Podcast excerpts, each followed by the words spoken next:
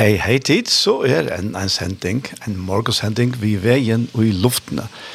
Værster er Daniel Adol Jakobsen, og jeg sitter her i studiet Kjei og i Havn, og som alltid så er tar en sammensen til deg å hjelpe til ved det tekniske. Og skrann i morgen så fer jeg som vant å spille noen sanger, og så fer jeg å lese og holde jeg ur biblene. Og så, den settende parsten av sendingene, om det er klokken tøtje, så færer vi til at lort er en parste av Gjerstamal. Og Gjerstamal det er en sending som Iktus i Seldafyr har tidlig opp, og som eisen har vært sendt her før, og som nå er så sendt her i morgen. Det er faktisk det. Men eh, vi færer legger fire, vi at høyre, ta er av kringvarsfløn og Singmusal, og og til er sangren til salmeren nu kvittna tintar fjøtlån og og hette her er sunnkje i Vesterkirkene.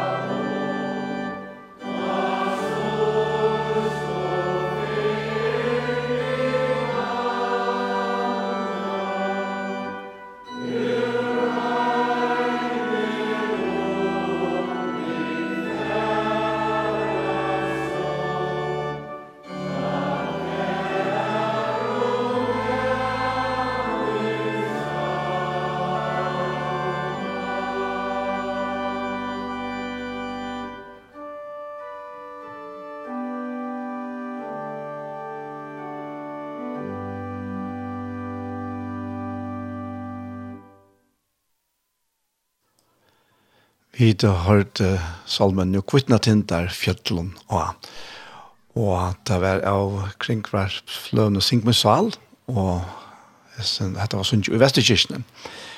Og til er Grundtvig som hever Irstendan her opprunalia i 1844, men uh, Robert Johansen han hever som meisterlige flottan iver og i førsk vidskifter. Irstender og i appene her i Salmabøysene, Robert Johansen Leslie, men eh, jeg halte at det er en fantastisk god fraløk omsetning som, som vi faktisk ser, selv om det er en danske salmer, så er han så vel flott i oss at vi råkner som akkurat egna. Og han, han lyser faktisk ekvile gjærbonde vi skiftene nå ta og i, hester komme, vetre stendte for doron og, og alt dette her som eh, som jeg finner bort ur i jøgn og sommare. Og så nå er nå det brøyt, og her stender i fjøra vers, at her sommer grøna velta vi her, best slokka strykvar spjatter, og bø er komme lampo er, du kallt er middelen hatter. Og Og så takkar han gode for avvøkst. Takk for avvøkst god to gav av bøye og av fjallet og alt som først var iverhav, og det som er ui tjattle. Og han takkar for dette her året, vi er ikke kommet til års endan endelig, men det lyr røyla vel. Vi er kommet inn i siste årsfjøringen, hest er vel og vilja komme, og ja, vi kjenner seg gongene. Det, er løsens gong da, og han løser henne, som vi sier, og og det vel. Men så ender han her vi, nå fer han iver til at, uh, at vi så at, uh, det kommer eisnet en var etter dette løyve. Og han sier nesten siste versen her, «De renner kjøtt, de stått og er, til heim til manst mer boa». Og etter vetur kjemur var vi sol og fjalla roa, Så nå fer han iver om, iver ut til himmelska, som er etter hetta løyve. Og ta sørste verset sier, og eina fer vi två bo, ta sørste fer vi anta, ur heimen om vi færa så tjater om æver standa. At det var salmeren jo kvittna tintar fjallen og Og så færa vi til norska Andreas Vennebo, og han synger Herre ditt navn.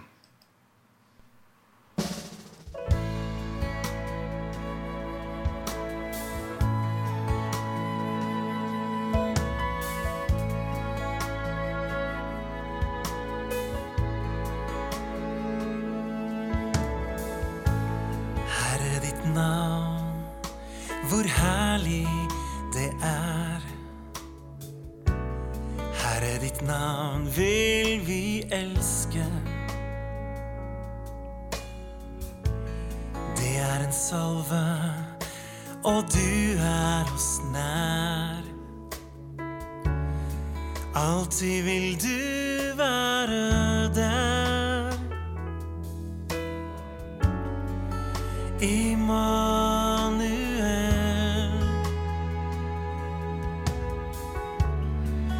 Guds offerland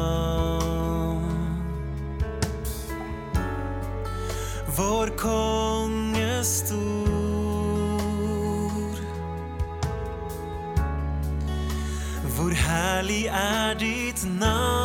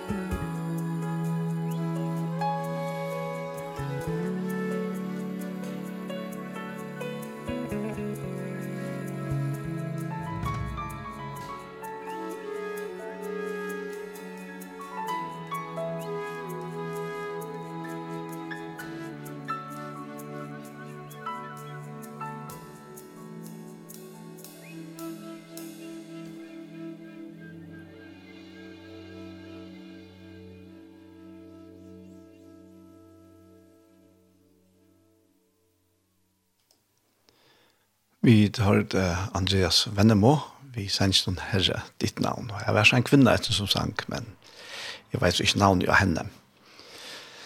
Men jeg halte at Andreas Vennemo eier enda sendsen, han er Gjørstan, bei Årlea. Og vi færa fra Andreas Vennemo til Stuart Townend, og det er sangren What a Faithful God.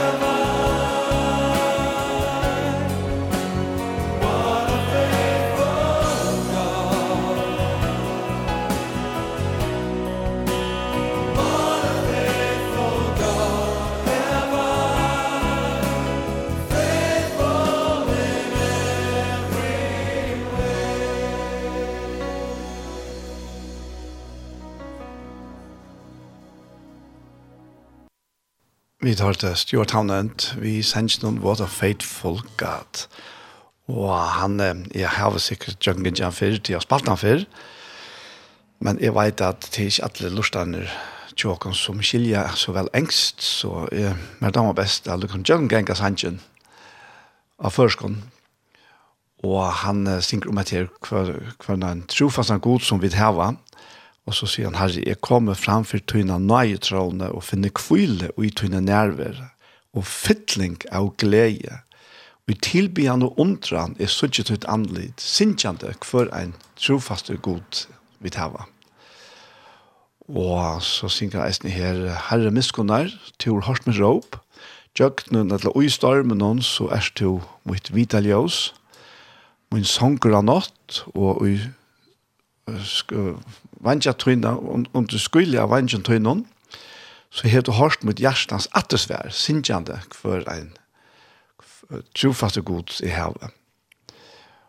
Og Herre, allmått Herre, du som djever fri fra himmelen, let meg trøsta teg som loja, vi tog trøst som to har givet.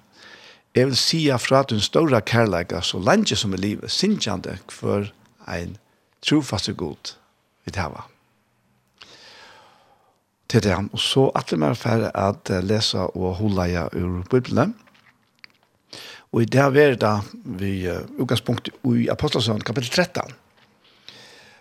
Vi vet at vi har en større tjukka bibel. Vi rattler, rattler nekk uh, kapitlen og alle boken og, og kapitlen og versen. Her øyla nekk år, og vi har vært bytt opp i Gamla testamentet og Nødja testamentet. Men hesten her kapitlen her i Apostelsen 13, han lukkar som teker saman om alt. Vi tar var med en parsten av bedre som stender i, i Gamla testamentet, og så for en tøytning det hever i Nødja testamentet. Til samme fæta og i hesten her, en kapitlen om Og i sin kapittel, han byrjar i Antioquia, og vi har tvei Antioquia i sin kapittel, og det er det ene Antioquia her som det byrjar, det ligger i Norr-Syria, og hit ligger i Vester-Torskalandet. Men uh, i, i tar jo Paulus og Barnabas har vært sina missionsfer så kommer det atter til Antioquia, altså den fer som byrjar i herfra, Og her stender at det har vært sendt ut etter. Og det er, det stender at det har vært av hele andan hvor det sendt ut.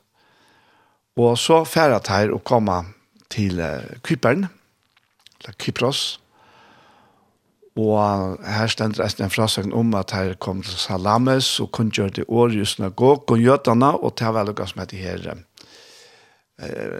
ei mest tja Paulus at han tar han for at kunje evangelia han vers sendt til hedningarna han byrja i alt tja jötnum. Jötarna skulle fyrst hava glei boskapen om Jesus Kristus og så hedningarna han færs inn i synagogen her og men og så stender her at det er så at ferast om alla ötna så hittat der ein liprofet ein jøta og i at bar Jesus og han var til landshøvdingene som kallet Sergius Paulus, og han stender om han at han var en video med vår. Og hvis den landshøvdingen, han kallet så Barnabas og Saul til sønn, og byr om at slippe høyre gods år. Men hesten her, som jeg skulle kallet Elimas, kan det kalle den, han stod han mot, og han rønte at vente landshøvdingen bort fra trunnet. Og ta var Saul som eisne kallas Paulus, og her etter var han kallar Paulus. Og hva er så måneren av Saul og Paulus? Jo, måneren er at Saul til er den jødiske formeren, men Paulus er den griske formeren for Saul, for det jødiske Saul. Og jeg halte det nok så avverst at, at Paulus, han at han fer så lengt at han, han vil være kjent vi til, faktisk vi til hetna navn Paulus sa Vi det var annars veldig ofte haft inntrykk av at heie navn, de ble til kristne navn, her som evangeliet slapp fram i etter. Men jeg i stående løt jo at dette var tog at Paulus virkelig ville noe hetningene. Og tog brukte han så, ta hetna formen for navnet Paulus. Sjøl vi talte det øyla heilat navn i det. Men uh, han var æstne, og jeg ser her løtene, så var Paulus filtra av heilig andan, og han hukte kvast på henne her i Lymas, og så sier han, og djevels baden tøy til som fotler erst av øtlom svitje og ønskapet, fudgjende alls og i rattir, vil du ikke djevo pæt at rengsnikva beino vevon herrans. Og så forteller han honom at han herrens er at her, og du skal være blinder, og en at du ikke sutja solene. Vi tar samme fall tåka og mysker av han, og han gikk om og leide etter omkron, og kunne leie han. Ta i landshøvdingen sa hetta i hentet, kom alt trygg, og hans undra i størlige av lærer herrens. Og nå vet jeg her øyla kontant og konkret, og øyla harsht, vil jeg vil sige, Og jeg tykker at her landamal ujes ned er at Paulus var filter av heile andan, ta han gjerra til. Jeg er ikke bare nekka som han uisen noen uh, avtåle og ilsinne kanska bare slanger ut da. Du tar unga virkning haft. Men, uh, men heile andan var, var så, altså, det var det som alt snus jo. Og at læra herrens som han uh, stendt, om det stendt her, det er i samband med hele andre. Og, og tog, tog vært det så, eller man kan si naturlig visen her, even naturlig som er vi hele andre gjør.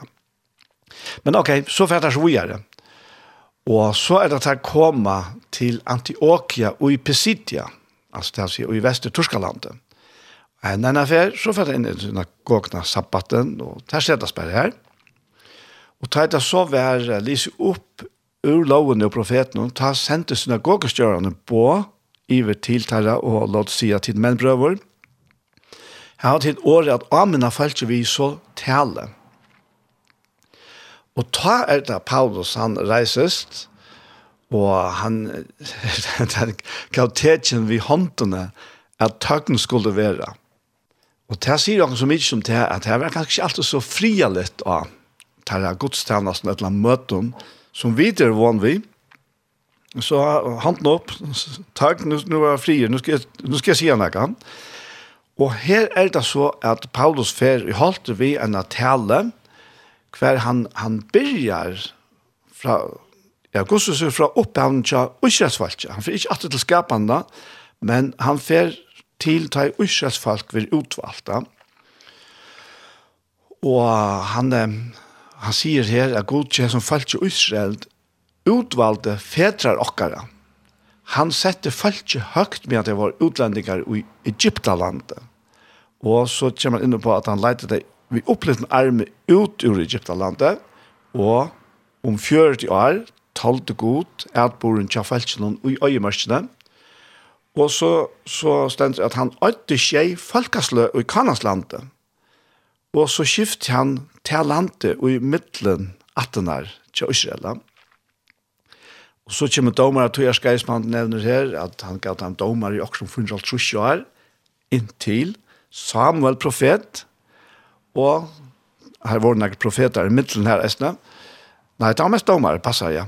Og, men så, så sier han her at uh, ta båt her god om kong, Og jeg minns her fra Gamla Testamentet at Saul han tok seg den nær, at nå var det ikke nok vi profeten, nå skulle konger settast, og god ber han bare være stittland til at det var ikke Samuel til vreka, men det var god Til vreka vi er krevja konga, det ville være som hinne falskene rundt om.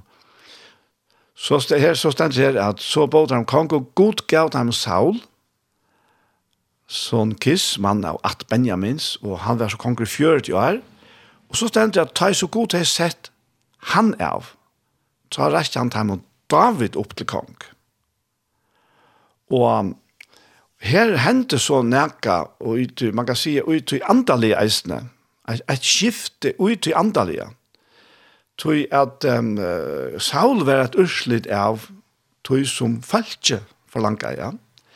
Og, og det, det peker faktisk inn i okkara naturlige liv det som vi krevja, og det er konger som vi er okra naturlige konger, og gasser en ganske sagt, og det er i for den tøtninga, men det som, det som vi leta, og det som vi leta roa i okra loiva, ut fra okra vele, det ender aldri godt, og det gjør det heller ikke her. Men uh, så stender det her at, um, at ta så god til å sette Saul av, så reiste han Taimon David opp til kong. Og nå hendte nekka, som sier, Janne Beie, faktisk Beie ut i naturlig, ut i tymlig, at ja, nå er han ikke kong kommet, og til gong bærsna gong, ja. Men David var eisen en firmynd. Vi har noen, vi er det andalige, det kommer det andalige inn i bøylet, ja. Og god, jeg stender eisen god, gav eisen David i henta vittnesbord, at jeg har funnet David, sånn usai, mann etter hjärsta munnen. Han skal gjøre atlan vilja munnen. Og, og det er øyla størst sagt. Tui at nu avmarskar god ikkje bare viljan tjass her til, til det jøreska Israel. Men nu tåsar han om, peikar han fram etter han. Og det stendt så vi er her, at det som Paulus forteller finnes fælsen her, og i i Antiochia Pesidia, at av alt Davids lært god etter lyfte synden Jesus koma Israel til frelsere. Og sørst jo at her lyfte det er lyfte faktisk som god gjever David. God gjever David lyfte om at det skal være sånne hansere som skal sitte og har sett noen til evige tøyer.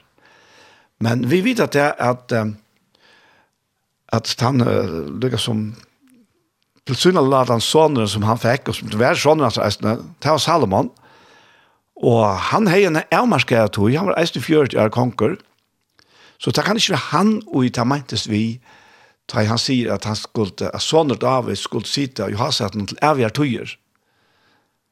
Men vet du, følger det sørger vi i evangelien. De skilte at Gud ta seg profetist om en sånn Davids. Og, og Jesus er jo en føtter av at Davids. Så han er, han er soner Davids. Så er, i bibelskan forstand, som, han, David er at er feiren til Jesus for så vidt. Og, og det er falt ikke skiltet til i Israel. Vi sørger nærkere ferien hver ui, ui falskje kallar Jesus fire son Davids, to soner Davids, miskunna mer. Så tei skilte, tei, tei Jesus så kommer fram ui, ui sunne tog her, ui Israel. Så var det flere her mittel falskje som skilte til at, ja, men hette er han, hette er liftesoneren. Hette er han som god til vi give lyfte om i samband med David. Og, og det var dem sin blinde vi Jerkoveien som røpte av, av Jesus og sier, to soner Davids, miskunna mer». Og han fikk sånne sjøen eisene fra Jesus, ja. Han, han, han, han tror virkelig at Jesus vært han som var lov av. Og som Jesus eisene veldig vært. Jesus vært han Davids sonrene. Og det er det tryggjende verset at, at av at Davids let god etter lyftesøyno. Jesus koma Israel til frelsere. Og enn avmarskar Paulus sin bådskap til jødene her, som er til stier og i synagogene. Forresten, da han, da han byrja i sina tali her, da sier han at da han gav bo om at han skulle være, så sier han tid menn av Israel og tid i øttaskot lustig etter. Og til å si at synagogen var full av jøton, men eisen av hetningon, som var øyla at tiltrekter av, av en her som heier vi goda gjerra, var kattleir faktisk. Ja. Og han, han, han tar seg om Johannes eisen her, han sier, la bare lese alt, alt om at det er fra trusjene verset, av at han sier, let god etter lyftet hun Jesus komme, og ikke til frelsere, etter at Johannes undan kom Jesus her, hei prætika omvendinger da for ødlom falt i Israels. Og Johannes er nevnt her, og han er rettelig av av eisne, du, han er tann sørste som stod fram etter de gamla sottmalene, etter gamla testamentet, ja. så er Johannes tann seinaste, tann sørste personer. Tann neste, som så, det er Jesus som ombord, han nutja sottmalene. Ja Og fram og til og vi Johannes, så er det bare jødene for så snur seg om han. Og så, men så sier han om eh, Johannes, at da Johannes var tatt ved enden av skreiesøgnen, da sier han at han ut, altså ser det vi falt ikke ta, at han i tid halda med vera, er jeg ikke.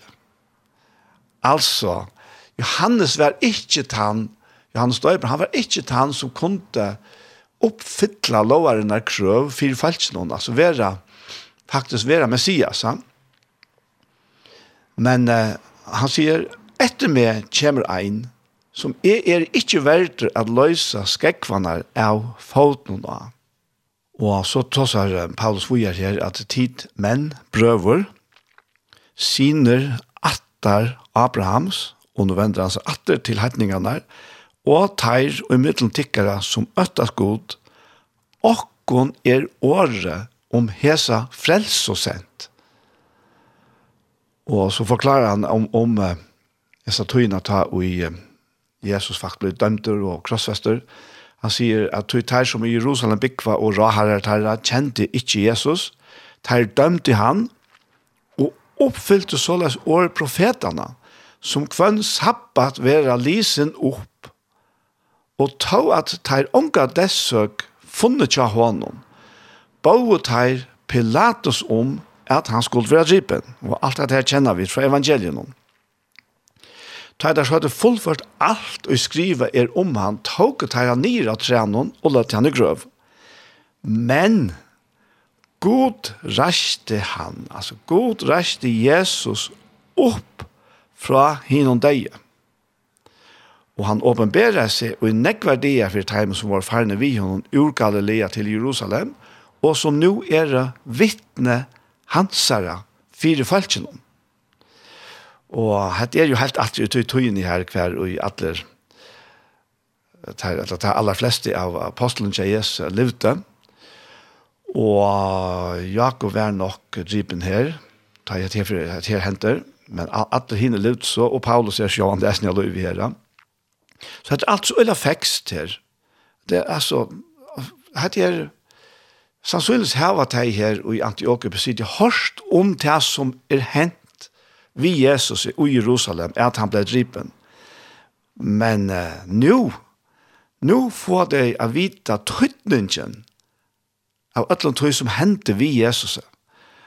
Og, og alt det her som Paulus her hever i Jøgnen Gintje, hette jo søv og Israels i Jøgnen Ølder, bare og Isarnon, høvespunkten. Og aller helst har jeg nesten kjent at det er hetningene som var her til stier, det har vi sagt om det at det er øttes godt, og tog var det her.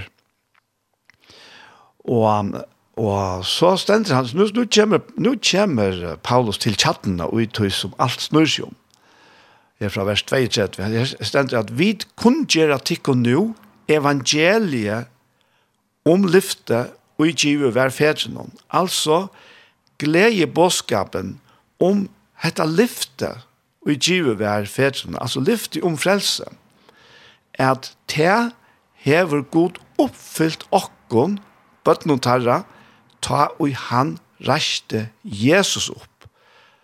Og Og han siterer her, så det som eisen skriver i Ørens Halme, du har sånne min, jeg har født i det. Og han uh, viser eisen jo at, uh, ja, og han, han sier, jeg kan bare lese det her til, til det tydeligste, og han hever, altså god hever, reist Jesus opp fra henne og deg, så han ikke meira skal vente atter til råd, og til han sagt så leies, at jeg skal veita tikkon henne heile lyfte, og som David er vår given hine trofaste. Tøy sier han eisen i en ørenshalme, du skal ikke lete din heilige tøyen, så ikke råd. Og så viser Paulus at David sånne jo, altså til å si han døye, etter at han i løvstøy syne heie tant reiegods, og han vær saunar til fedra synar og sarot. Purasta, altså almindelig kan man säga. men han er god reist jo opp, sa ikke råd. Og til å si at jeg, at Jesus Kristus, soner Davids, som eisen var sånne godsa, han, altså, han døye, ja, men han sa unga til råd. Og han reis opp etter, og han lever i det. Og det er tjattnan i evangelien, at vi har en livande frelsere. Vi er ikke bare en søve. Hette er ikke bare enn et hattarpunkt i søvene. Hette her er den avgjørende brøydingen til at Jesus Kristus, etter at han døye for synder dere, etter han var lagt i grøvene, så reiste god han opp etter. Og han er okkara. Han er det eneste menneske som er ferdig, alle veien i jøkkenen. Og han er gjørst for okkara skuld. Han som oppfyllte at loverne krøv og døye for okkara brot, for manna attarna brot og Guds fullkomne lova. Men han var reist opp. Og, og til og hesson her, hesen bavon, til at han døye for sindre okkara, og at han reis opp atter. Så det var sagt ærestes okkon til rettviskjering. Og til sida virkningen av at vi er rettviskjørt er at vi er aksepterer det god teaching av gode. Alt det her ligger i Jesus, og til det som Paulus så kommer inn av her, og han sier her, ja, men han er god, rest opp, så er ikke råd. Og så sier han, så skulle de da vite, tid menn brøver, enn taler han bare faktisk vi gjøtene, ja at vi, eller venter seg til gjøtene, at vi hånden, altså vi Jesus, verer tikkun kunngjørt fire djeving sindana, og fra ötlun tøy som tid ikkje kunne være rattvistgjørte fra vi Moselov, verer ui Jesuse kvør tann som tror rattvis gjørter. Wow. Hette er, hette er så stersk år, og, og hette er, hette er så valsikna fyrir okkon, og hva vil det så sige at vera gjør du rettviser. Jo, det vil si at det at god ser dere fullkomne syndafrui.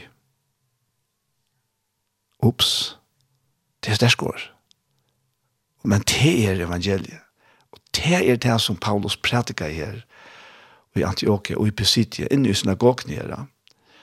Og han sier fra öllum tøy som dit ikkje kunde vera rattvis gjørte fra vi Moselov. Og hvor hei man bruk for å bli gjørte rattvis, jo til man er sinta.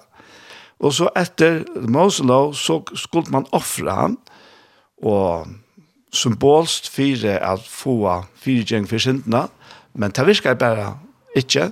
Det virker faktisk på tammene, at man ble, til å fortelle Hebrea forteller at man ble minter av sintene hvis man offrer noen der. Mm Så det var, det var en sindelig støva. Men uh, det skulle være så løsende, inntil Jesus kom. Men. Så han sier her, la meg takke til om at det er, så skulle de ta vita til menn brøver at vi honom, Jesus, verer tikkon kunngjørt fire gjeng sindene. Og hette det som runkar inn i okkara tøye det eisne, at vi Jesus verer kunngjørt, proklamera, pratika, for alle mennesker, fire djevingssintene, og fra øtlom tog som tid ikke kunne være rett og gjør det fra vi Mosela og være i hånden, hvert han som tror, gjør det rettviser, gjør det sinta fruer, og her vi godtidgen aksepterer tja god ja.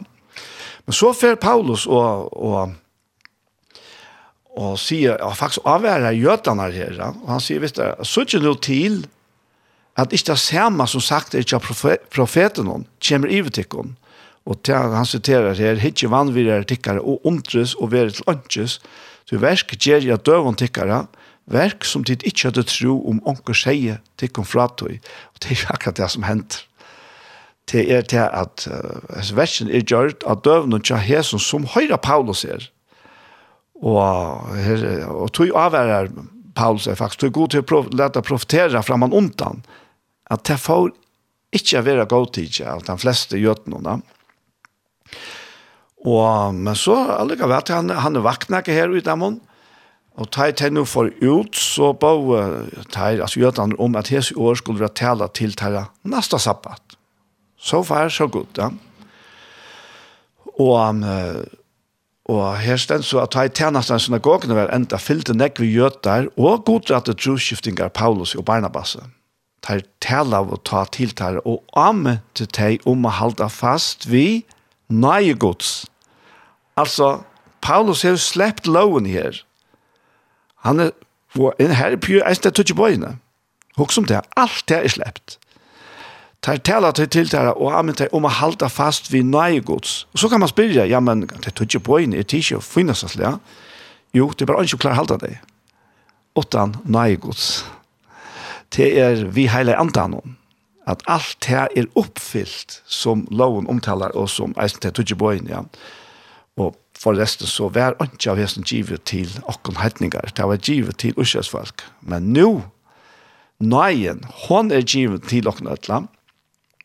Men så vi skal lese, vi skal lese vi er her eisene. Og her stender at neste sabbat, kom så nær om alle bøyeren sammen av høyre årgods.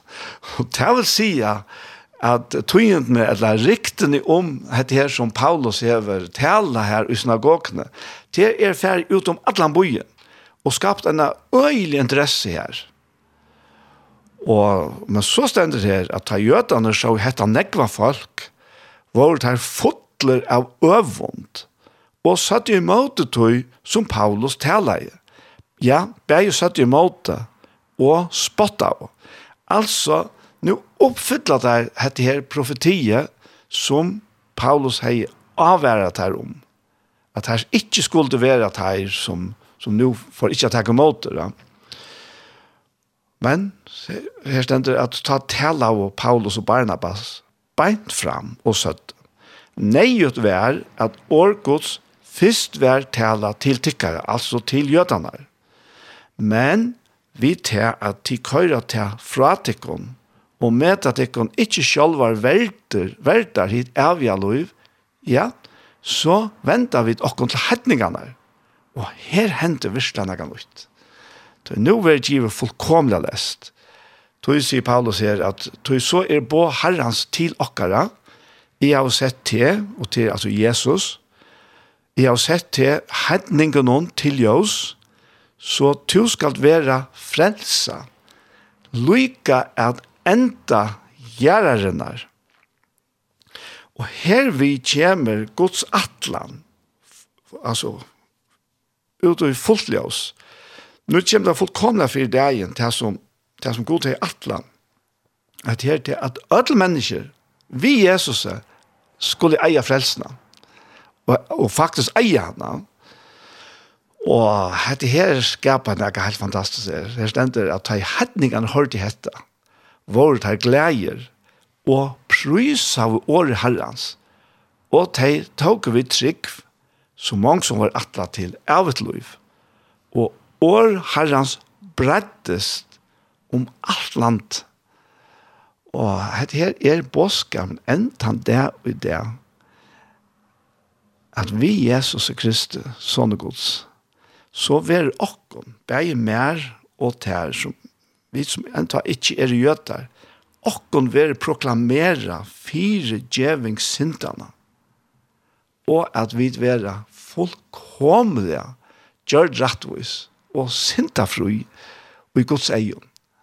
Sjåan du vidar vi til at så lenge vi er her i løvnån her, og i likamnån, så kommer vi til å gjøre imenskafta, men vet du hva, okkar naturlige menneska, det som vi lever, det er ut det hva lika her, og alt det som her til høyre, alt det negativa, alt det onda, alt det synd som høyre her til, ja, men det var det som døye, vi Jesus, ta han döja krossen Och og det får og i grövna vi honom.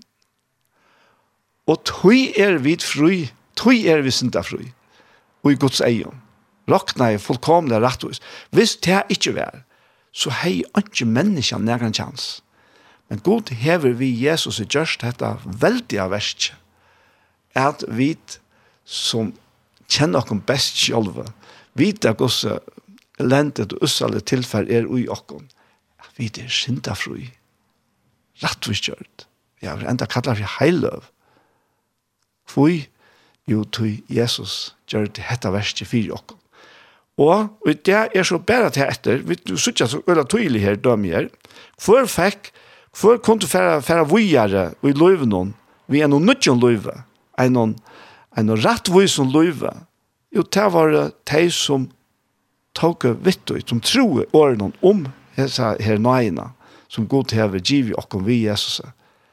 Men henne, de som ikke tror, de var så nødt til å halde av frem, og i sin gamla løyve. Og det ble faktisk verre at han hadde det. Du nå stod det imot god til kjølvene. Det vil si at jeg at i hese føren her, det var, det var ikke alle jødene som stod imot det, det så vi frem og undan. Det var flere jøder som tog vidtrunne, og så en rikve av hetningen. Det ser faktisk ut som alle hedningene av tid vi. Nægre jøder og alle hedningene. Men til felagsvirt her er at de som trykker av Jesus, og hetta fullgjørte verset som god til gjørst vi Jesus, er fyrirgiven. Sinten er fyrirgiven. Eina fer fire atler, så vidt er rettvis og syndafrui, og i gods eion. Wow! Og her vi, veist du, det som så henter utfra tog, det er, nu kan heile anden tega bygg ui okkom. Kvui? Kvoi? Jo, tog vi er gjør rettvis. Vi er heiløv. Vi tog verste som Jesus har vi gjørst. Og det er et fantastisk liv. Hette her livet vi heilig andre. Det er et spilder flunkende nytt liv som har en kraft som den gamla religiøsa livet til åkken. Ongan tog, ongan tog kunne gjøre åkken. Og vi har så nødt til å liv noen er det rettvis frier og glede og heilig andre noen. Og så enda i kapitlet vi at, ja, jeg leser her at år herrens breitest om alt landet, men jødene oppøste hinner med og kvinnerne som øtter oss godt, altså ter som var komne her som hetninger og, og var ahoer og gjøsner og kanskje var proselytter, troskiftinger, og ter øst opp i kvinner, og hinner fremst og menner på innom, og ter bist og etsøkten. Nå får dere fra Filtja, Paulus og Barnabas og råk tar ut om landhammersk syne. Ah, ta er, er, ja, ta ikke nekva gjerra. Ta man faktisk ikke vil, ikke, man skøyder om disse her frelsene som, som Paulus her har kunnskjert for dem. Og ja, det som god til å gjøre for dere. Teir, altså Paulus og Barnabas riste ta dost av foten sønne mot og teimon og fore til ikonium – Og så sørste vers i kapitlet, men Læresveinene var fotler av glede og heilige andan. Wow. God var sikkert en kvann som hever lust i det. Det er ble ikke drøtt, men uh, tjattenen og isen er bare så fantastisk. Og hette eier du. To eier hette er. Hette er kunnskjør eisen. Her vi er det eisen kunnskjørst her. To eier hessa frelse.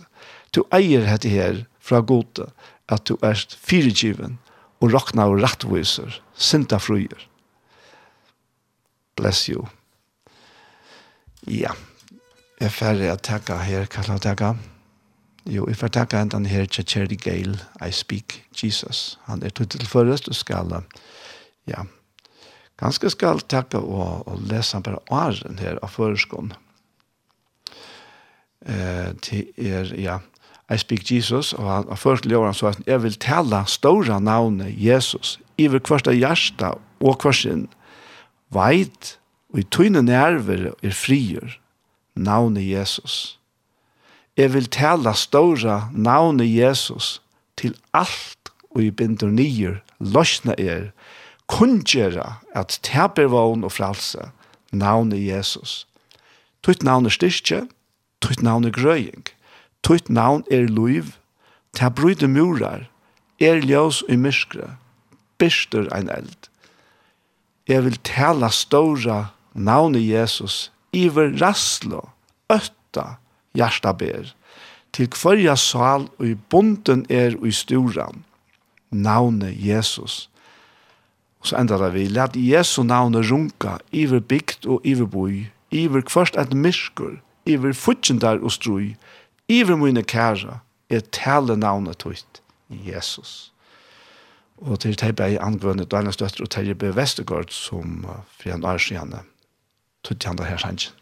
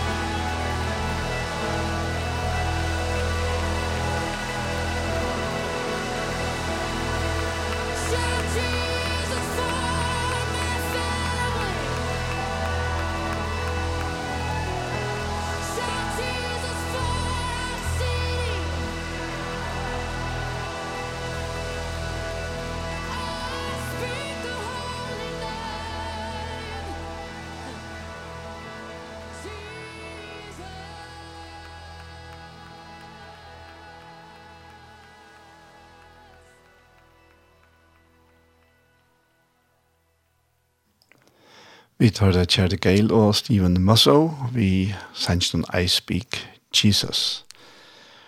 Og vi hesson så er hesten fyrre parsten av sendingene vi veien kom det enda.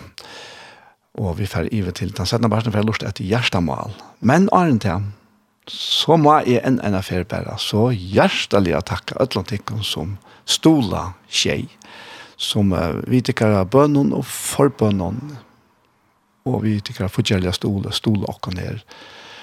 Och ja, jeg må bare si, ja, nå, nå vet det langt et år og jeg er så vikne, frutja deg, kjent oktober, så er det et år så gjerne, tjej for i luften av første fer. Det är ikke kjøtt. Det er et valgsiktende år. Og, og det er så ikke inte alltid som, er, som stolar. Så må jeg bare si at man er opp, ordentlig oppmuntret til att halda av Så hjertens, hjertens takk. Og han tikkun så, ja, men vi standa sammen og just ned.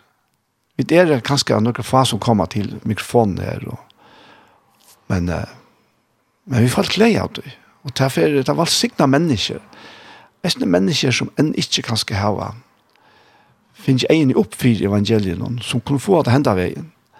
Så, så vi standa sammen og just ned. Guds sikning iver okken öll og just ned i versen om hjertens, hjertens takk. Og vi kommer sett ned og gjør mer bort i ord at tjej er blivet ett år. Men som sagt, nå får jeg så vidt til Gjerstamal, og Gjerstamal er en sending fra Tja Iktus i Sølta 4, og som har vært sendt her i uh, Iktus Sjønvarp. Og til er um, pratmiddelen Paul Ferre og Michelvan Daniel.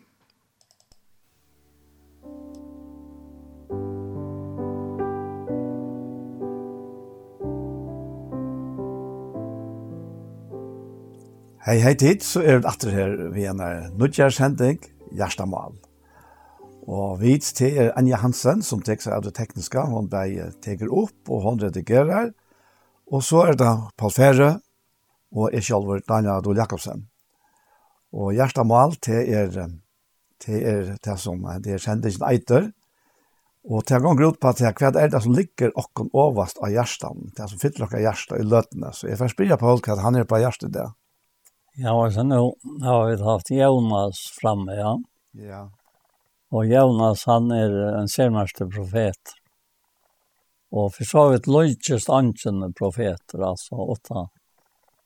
Åtta nu tog ju att det är et par profeter som var herran och tryckver som nå tar som att skriva å skriva om i bibeln. Men så er det som tar som er och avlytner och Og jeg tar som er fastjer, ja. Mm. Som kallar seg profeter her, så. Ja. Og, og, og, og i fatt noe tog, ja. Og her finner vi den han han, uh, Zacharias. Han er nok den mest søgnaste som skriver om 14 kapitler. Og, og jeg kommer ihåg som han, og, i for kvalitet alltid der vi er, og så leser jeg, nei, kjørskvalitet, så leser jeg morgen eh, kapitlarna i Jöknon och, och så sa jag till er att det var en också sermörsta profeter. Så han var upptagen vid det som Herren lät han sucha nu lät han väl sucha. Mm. det du till de tre kapitel och, och, och då finner nästan i varje kapitel när han ser som Herren lät han sucha för jag var ju sån och kvärt för att hämta. Det är profeta tala alltså. alltså. Ja. På en lös, herren från herran till han och som han sa, pervojare, ja. Och, och så ser han här i tre kapitlet, nu lät han mig så att Josva, hövudspräst, han stod framför i Angel Herrans, och Satan stod under högre li hansara, att bära fram kläv och mot i honom. Alltså mot det man vill ha mot Josva. Ja. Och han, han leter han sådär hetta. Og ta med nå her var vi var vi någon säljon för eja. Og og det är något av det största som kan hente en menneske lov noen her. Det som man nå ser, ja. Då jag tar centrum satan att han han är klär bröran. Ja. Och och om om Jobb går sen klär i ett grant som Jobb i fjärran och att han spaltar sjön lök. Då jag var sakrat här och hjärtan som som han gav uttryck för det med för människan. Mm. Och Herren han lät han släppa röjnarna. Och han gick som gott glatt och hjälte ut ur elden och alltså han att det var bara att ta gå efter ta han kom ut ur elden. Mm. Här var han var nog så. Ja ja, att hans man var var och vi det var vi Herren att han lät han för jag knallt det. På en måte, ja. Och på en måte inte. Och och så ständer här men Herren säger vi Satan. Og, og vi sørger her, trøtja personer, vi sørger Josva Høvesprest, vi sørger Satan, og vi sørger Zacharias, Altså trøtja personer stande her, og hver har vi så en oppgave at gjøre. Og, og så, så sørger vi Herren, Han sier først ved Satan, Herren refse til Satan. Herren refse til han som hever utvalgt Jerusalem, er hesen ikke brant og rikter ur elten om. Og det er Joshua mener vi. Ja. Så Joshua var skitt noen klæven her, han stod fremme for anklen om. Og så er det Angelen som tek låra, og han sier vi tar det fremme for i hånden stå, jeg synes det er personen her. Lät han ur henne skitten og klæven om. Og vi han själv han, säger han, Jeg har ikke misfruttet borster fra til her, og du skal være leten og i hat høyer klæger. Så det er ikke smavis. Hva henter i saløtene innenfor det? Uh, Arsjan Herrens, her Angelen, er Båbeden, og her, her uh, Zacharias er mottakeren til båskapen, og her Josva, vil være fullstendige rønnsavur. Mm Vi har vært lett nå og lett nå i.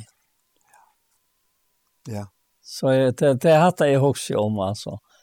At det hentet veldig av nøyen som kommer fram i Gamle Testament. Akkurat, ja. ja. Ta, i, ta, ta, og, og han kommer her fram, og, og det er bare øyn som kan døme han. Satan kan ikke døme han, for han er ikke maktelt han. Han kan bare akkere. Det er bare, han kan bare akkere, altså. altså ja. ja. Men det er ikke alltid akkaren for sin vilja. Nei.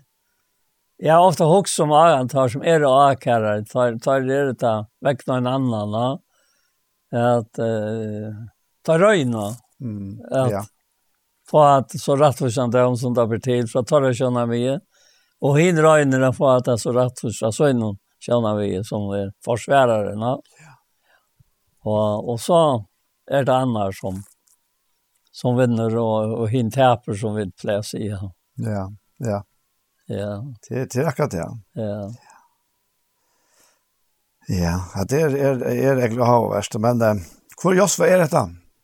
Ja, kvar Josva, det kan du säga. Jag är inte också om kvar det är kvar Josva. Nei, nei, det har jeg for så vidt heller ikke akkurat som personer men men namnet Josva. Ja. Det er faktisk identisk ved Jesus. Ja. Jesua og Josua Ja, ja. Ja. Det er, jeg halte nesten at det er uh, vi kvart brukt om Jesus, ja. navnet Josva, altså.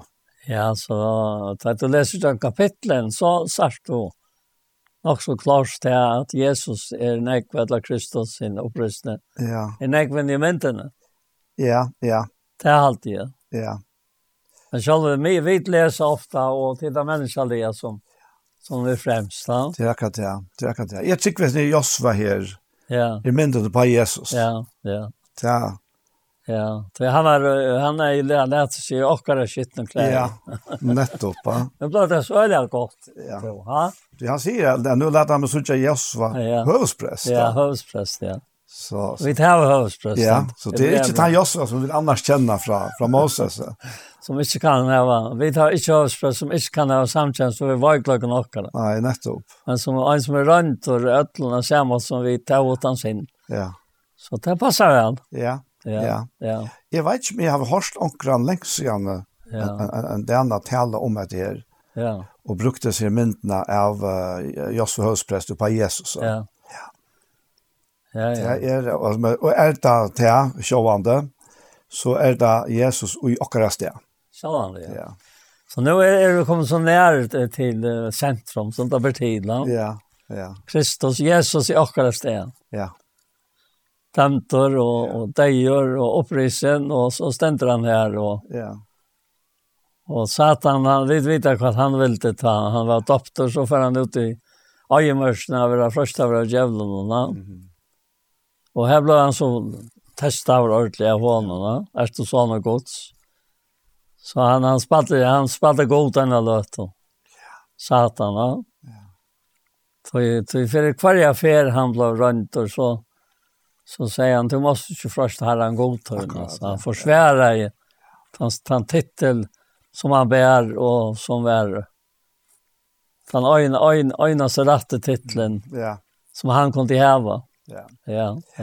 Det är det jag det. Han han han säger om han här att att uh, han är som branter rykter ur, ja. ur elden hon. Ja. Ja, hest, er hesten ikke brant og rykter ur elden hon. Er hesten ikke brant og rykter ur elden, ja. ja. Og hver far Jesus fyr i okkona.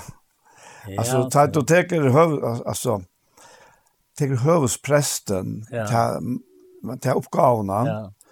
så var han jo ikke offre. Nej, nettopp, nettopp, ja. han var ikke offre ut av, han var han som takket seg av offren. Ja, ja. Men Hesen høvspresteren, han ser mer ut som offre. Ja, ja. Ja. At han eisen ut som offre, ja. Ja. Og det er akkurat høvsprest. Okkar, okkar høvsprester. Han ble jo sjolver ja. offre for okkona. Ja, ja. Og han det her ja. testingen her som du nevnte herfra. Ja. Da satt han fresteg han i øymarsen, ja. ja. Altså han måtte måtte være fullkomlig lydaleser. Ja, ja. Her måtte ikke være aller, aller minsta Nei. svik og gjennom som, som fatt til fire frestingen. Ja. Og han det Nei. Og i mån til dere første foreldre. ja, ja. ja. Han fastes. Nei. Nei. Og, og, og hvordan sikrer han ved at uh, entertaka til som Han, han var jo sjálfur året, han endte tog året ja. til Satan. Og, og det var nok for jeg stand i dømen. Ja. Han var lykka røyner som året. Kjalt var røynt. Akkurat, ja, han er året som du sier. Ja, han var året selv, var Ja. Ja, det var døylet, ja. det var godt. Og så, og så leser jeg ut av sin drøtt for at uh, det er først til jeg teker han hatt og jeg klær ja lät han ur og skitten klävnon och vi han självan säger han. Jag har tid til misbrott og et borstor fra der. Du skal inte han lete och jag har till. Ja. Och framvis säger han, sätter röjna hyckva hött hansara. Och tar sett och tar röjna hyckvorna hött hansara.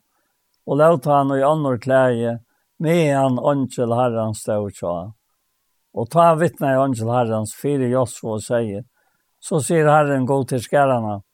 Ganger du løye møynar, og heldur på møyne, så skal du øysten slippe større huset møynen, og være vaktar i folkeren møynen, og jeg skal løyva til her, at genge med til hesar og her standa. Hør nu, Jasva, høvespresteren. To og viner tøyner vi sitter her framfyrir til, tid er det fire bårar, at jeg skal lete tænere min kvist komme.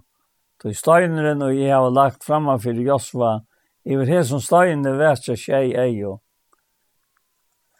Jeg risti han, jeg risti oi han innskriftene og i han skulle heva, sier Herren, gå til skærene, og etter øynene deg, tætje bostor, misbrot, misbrot ikke i sånn land. Så framveis, ja.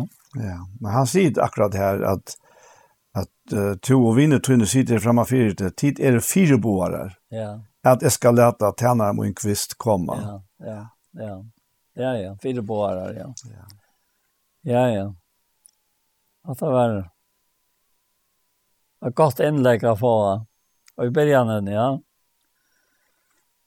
Men, men vi tar en egen dømer og, og, og, og, i Norges testament om etter samme, til dømes og, og i Rambraun og Fyra, ja ta jag tar och läser berg om Abraham och om om om David. Och och till Hoali läsna var. För jag är nog kvann som som uh, höjrer. Eh till som här stand skriva.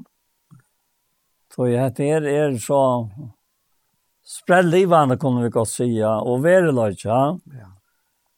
Och till och i Rambraun och fyra vart det var han ja. Og så Og her, her er det alltid det som kommer fram til hva sier skriften. Hva sier skriften til det som er ivskriften til det som er stendig skriva. Ja.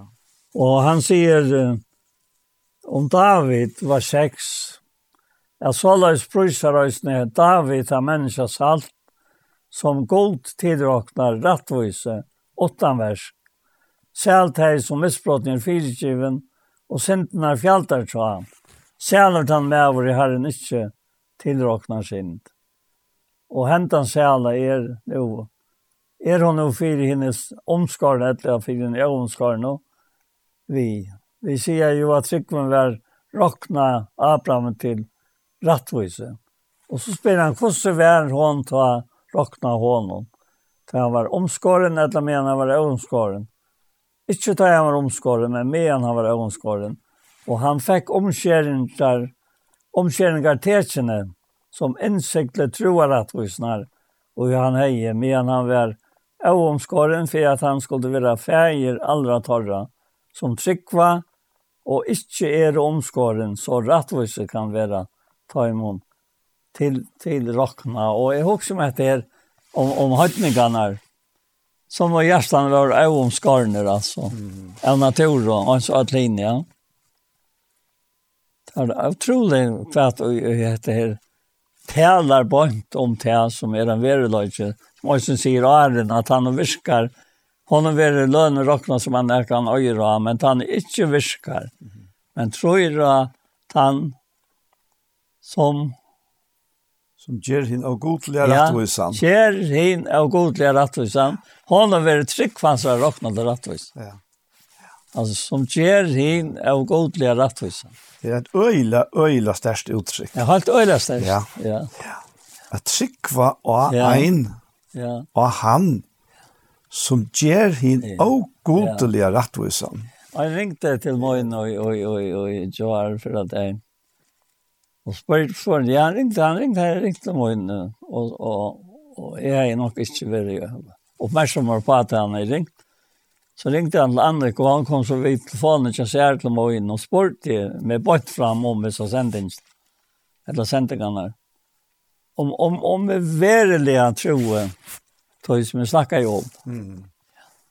Og, og det kom veldig knappt, ja. Og jeg, jeg kom bare når jeg tenker om at Det blir bra vårt, og det tar seg om etter seks tøtt, så er det at god er ikke avrattløser. Så det er verset her. Så han skulle glemt verkstikkere, og kærløkken til det var vårt navn i hans rett. Her var han, og tjene henne hinnom høylova. Og så sier vi igjen, men, men det ganger ikke bare som det naturlige løven og nett.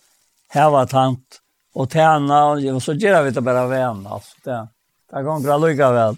Om vi driver på det litt, Vi skulle bare gjøre det. Ja. Nej, det ständer det. Det er det är det är underfotla. Hade bestämt att det ser med over den altså, ta ta kläckva jag då ju någon av tog som som som var sagt ur Guds år, ja. Det er ikke er som bestämmer över hva Guds år sier, Ja? Men, men ta så hette verset kom, Han sier sånn jeg er om et her. Og så sier han uh, i kapittel 6 ja, var det, ja. Og et eller annet kapittel. Nei, i brevbrev han var det, for i rombrev, ja. Ja, ja, jeg var etter rombrev. Jeg for skøyver, da. I brevbrev er det, og han sier 6, ja. Ja. Og, og nettopp i brevbrev, og her kommer det her fram, så var det godt, da. Han sier til at... Uh, god er ikke avratt hvis du vært utjå. Så han skulle glemt verstikkere og kærløkene, og i ditt av vårt navn i hans herre, vi til at de tar tant og tenn i høylo. Men grunden er hetta til som er troarversk. Ja. ja. Og til så øyelig måneder av troarverskene, og av verskon som vi drøyna gjerra fire at oknas. Mm, akkurat, ja. Til det her er måneder ligger, va? Ja. Så sier vi han at at det er ikke, det är inte nog bara att göra att jag var gjort det jag nu for för att jeg har gjort det alt det jeg kan minnes, jeg har ikke inte mer kunne gjort det här dette verset her. Og, og hvis ikke herren er han som fer färmer å gjøre det ja, så er det jo til faen ut. Og, og han lustar jo øyne vad det da jeg leser etter videoen. men ikke akkurat er at ein og kvar tickara loika til endan skal vise sama ogenskap i den fotle visse vevnen. Det her er han spurte seg inn, mm -hmm. for det et halta. Altså, jeg sier, ja, hvis det ikke var for vevnen er skilt, og vevnen gir åkken ikke til skammer, sier jeg, til kærlighet går så uttalt til gjørst noe, vi hører andre som giver noe ned, og til åkken innsikle, hører andre, altså. Så trygt er det. Ja vi vet den här mannen där som snackar med mig. Ja? Och, och så heter det verset, vers 12. Så tid inte vara trek, men efterfylltja tajmon som vi trygg och tål arva lyften. Här, her kommer att sajnas trygg och tål. Ja, ja. Ja, myntliga og samtala. Mm. Om, om at det er som är, är, är, er är, är, är, at är, jo, Men men jag hade ju varit kvar var om. Det är en osust. Allt det där mycket där än allt det där det där nej det mycket där. Det var sånne där och allt. Ja ja, där ja. Sånne där var det. Det blir en sent sån. Ja, ett la man morgon hade han ringt. Ja. Ja. Okej, ja. Ja. Ta det har han ringt, ja. Spel. Ja, han sände ju väl om Jonas, va? Ja. Ja. Ja, ja, ja. Det han sport ju om. Ja. Hur så tryckte han nu är och Ja. Pratar om den här låt och så så så shit svit. Det er ikke ens kjente. Ja? Det er ikke ens bekjente. For øymater, men det er ikke ikke så løs. Nei, nei, nei, nei. Men da må vel at at jeg vinner som ikke kjenner. Ja, det er det. Jeg vel. Jeg har alltid til så, til så kjevende og jeg vinner som man ikke kjenner. Så er det anker spyr. Hvordan skal man være viner utan att kännas det? ja, ja men, men, men Kristus var vinner i alla høymen. Ja. Men så han kjente alla hem, han kjente alla, han kjente det, men men är allt så dåligt att det här att särskilt för inte för jag vill säkert. Ja. Den tar sig ju på ärligt alltså. Men då man inte känna folk och prata det som som fortäljer om dig.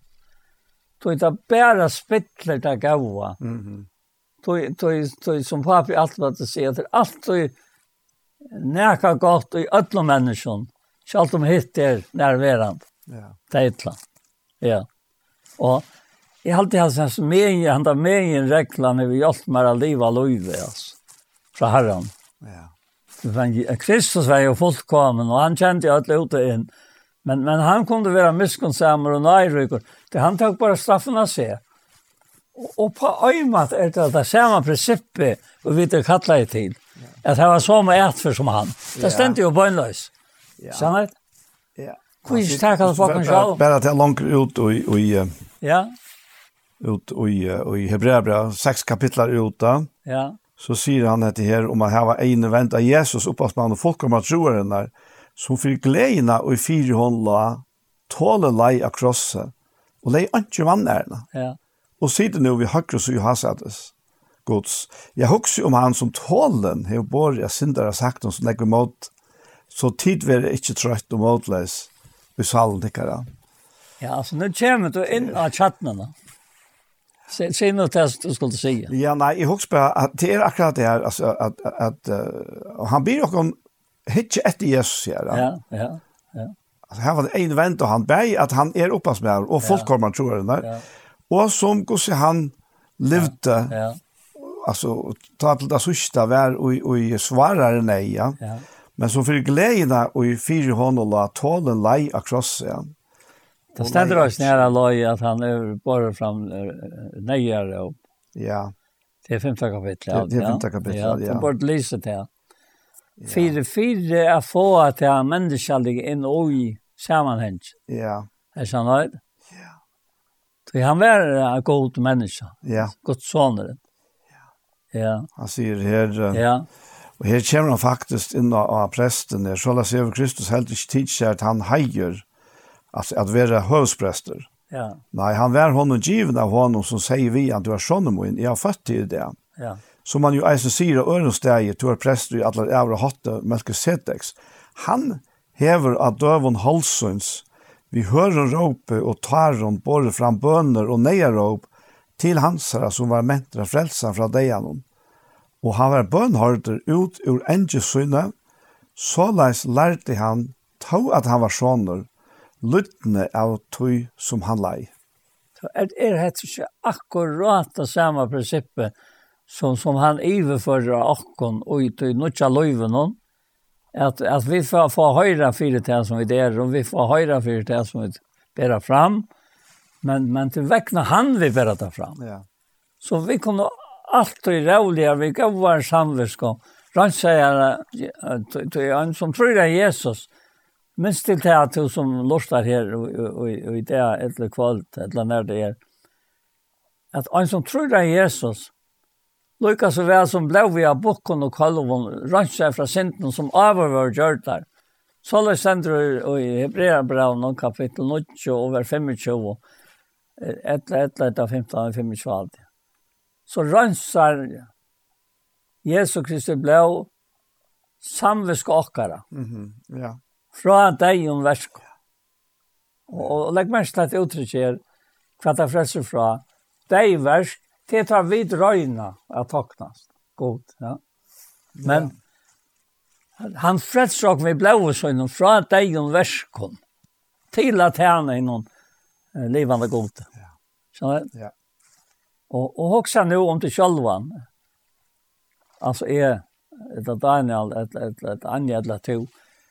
om med her, här kvar då är det att trosta Jesus. Ganske ikke var det av deg, at du har rundt til. Men men det er några tydning som så tog at da Jesus døg, da kommer menn fram är som var var då lärsvänner i land. Ja. At göra det mest underfotla fire, han dejan av krossen, og det går lika med nio. Nettopp, ja. Bæger tvær, bæger nekken Nikodemus, og særlig her, Josef og Arimathea. Mm. Han kom først. Bæger om løy vi har fått lika med. Han visste han, han var kjærpår. Og, og så kom Øysen Nicodemus, Han som er først før vi tjana om natt. Ja, ja. Forsvare, forsvare han og rann hon her, og Johannes Kjei, ja. Da det ikke kom vi inn og tar som tar det sent ut at jeg Jesus, han. Jeg held at det er så utrolig godt akkurat det som kom fram. På en måte var det dem ikke at, at jeg skulle tendre ordentlig og i tjåk nå i det. Det gjør det. Det tendrer og i at det er at det er som, som er så tydninga mye for alle mennesker at, at, at dette er et evig lov, sier Jesus, han sier ikke noe at, at jeg kjenner en øyneste sanna god, og han som, og han som han sendte Jesus Kristus. Det er det vi har lov. Ja. Så, Ja. ja, ja, det er det, ja. Det det är akkurat det. Ja, det er ölen sant. Ja, jag har läst det här i Hebrea 9. Ja. Men Kristus kom som høvesprester för henne kommande gåvan och han får jagna i större och fullkomne kälte.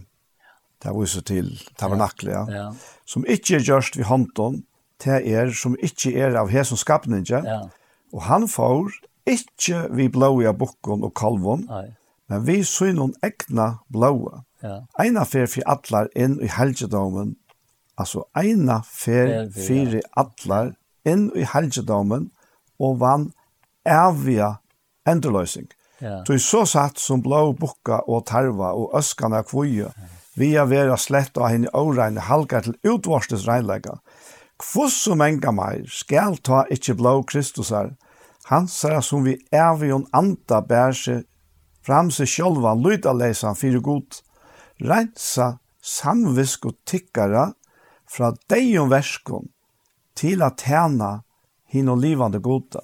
Og så er det man kan spyrja, hva er det deiversk? Ja, ja, ja. Og deiversk er alt deiversk her som vi drøyna at gjøre eit eller anna fyrir at vi kunne takna skuld etla fyra vi kunne rensa okra samviske etla ja. okra ja, det er det som Bibelen her kallar for deiverska ja.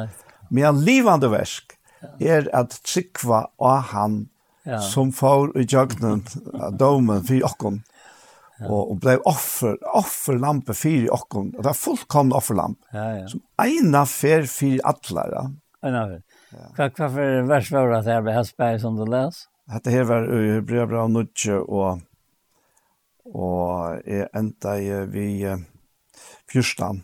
Ja, det er ikke fyrstan, fyrstan. Fyrstan, ja, det her var om, om å reise samviskene. Ja, og, og trettan. Ja, og trettan, du så satt som blå bok og tar. Ja, for jeg var på plass hvis du ville lese det. Ja, sånn at... nettopp, ja. Men då nu vänt jag åter till eh, till om Abraham i Hebreerbrevet 6. Ja, om Abraham. Nei, og jag Abraham 6, Ständer om Abraham. Å ja. Ta ta god gav Abraham lyfte. Ja. Nu var det ni att jag så jag var så spurning så alltså. För för att halta.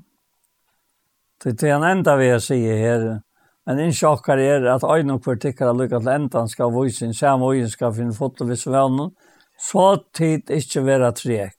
Alltså en fotla vissan i vännen ger till evig strekor. Mhm. Mm men i etterfylgje tar vi som er trygg, og tåle arva lyftene.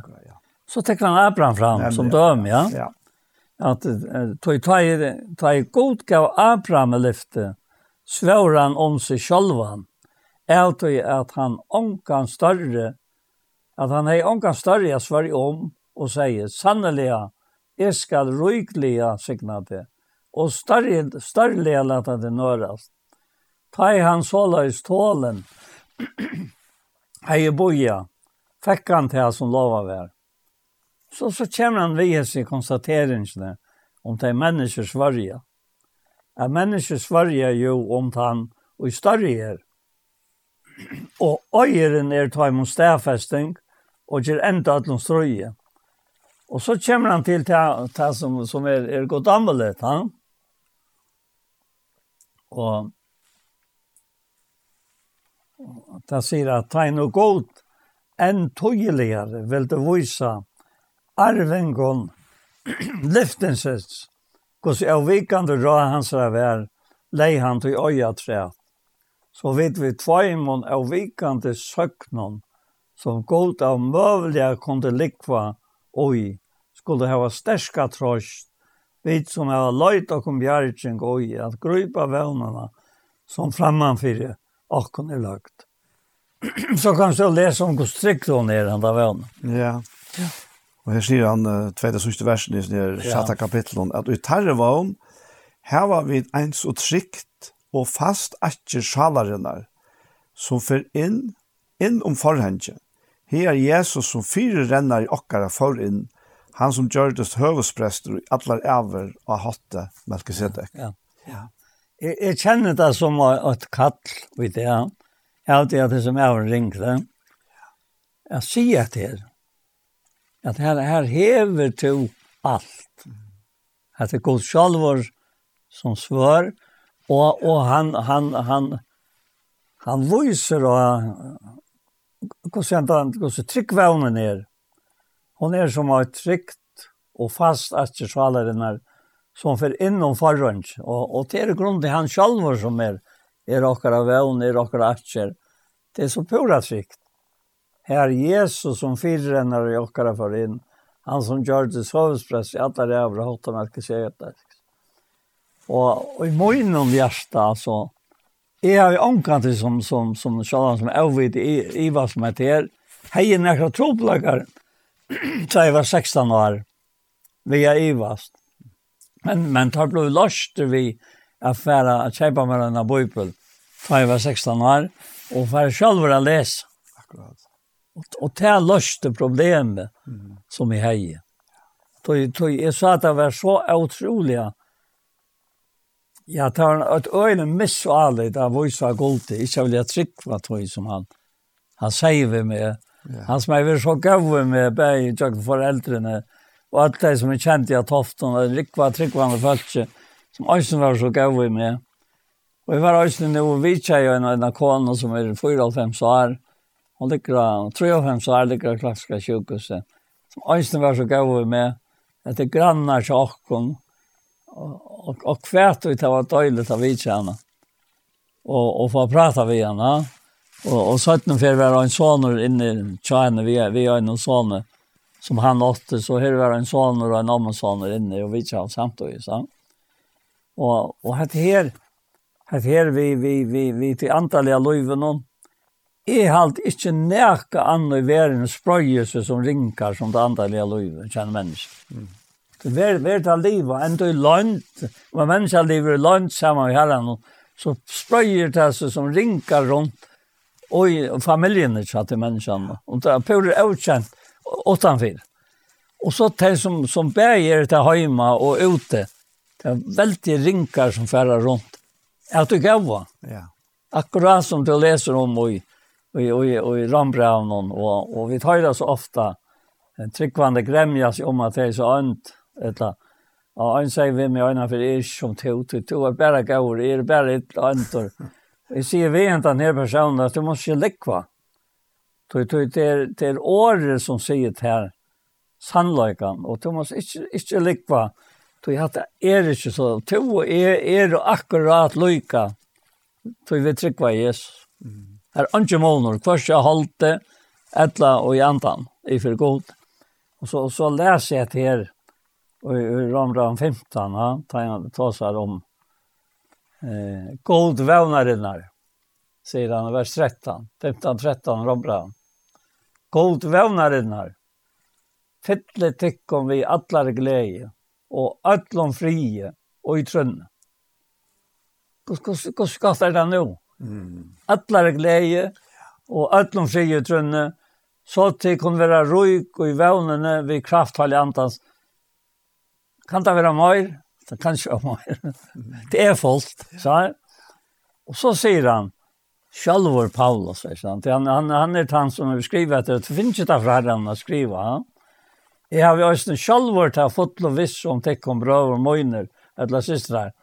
Är tid är att kon Shalvon er och fått av gøsko, Fyllt vi alla kunskapen för fyra att amena tvan kvar annan för fyra. Tora sandfarder om att hette er Det är så lätt. Ja.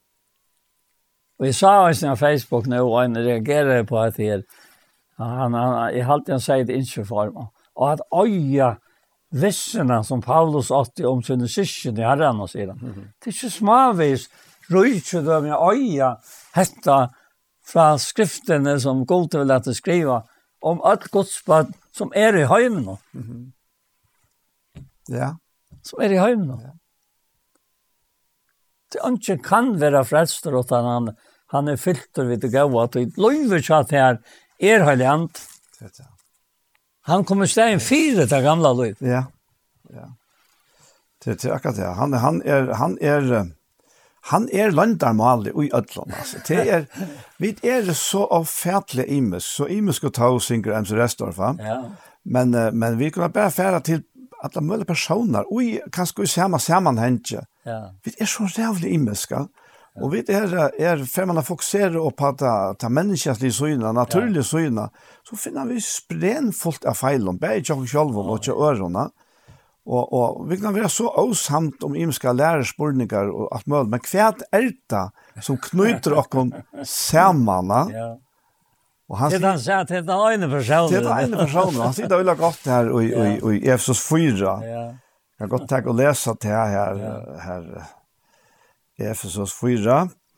Han sier, «Jeg må amen til tog i fengen og i herren at liva kattel noen verdi, altså det var kalla vi, vi ødelen eimjukleika og spekføre, vi lenkmå, så til det kærleika ombæra først anna». Ja. Og så sier han, «Og ledja til kun eina vi er vera verande og i einleika andans ja. og i bandet friaren». Ja, ja.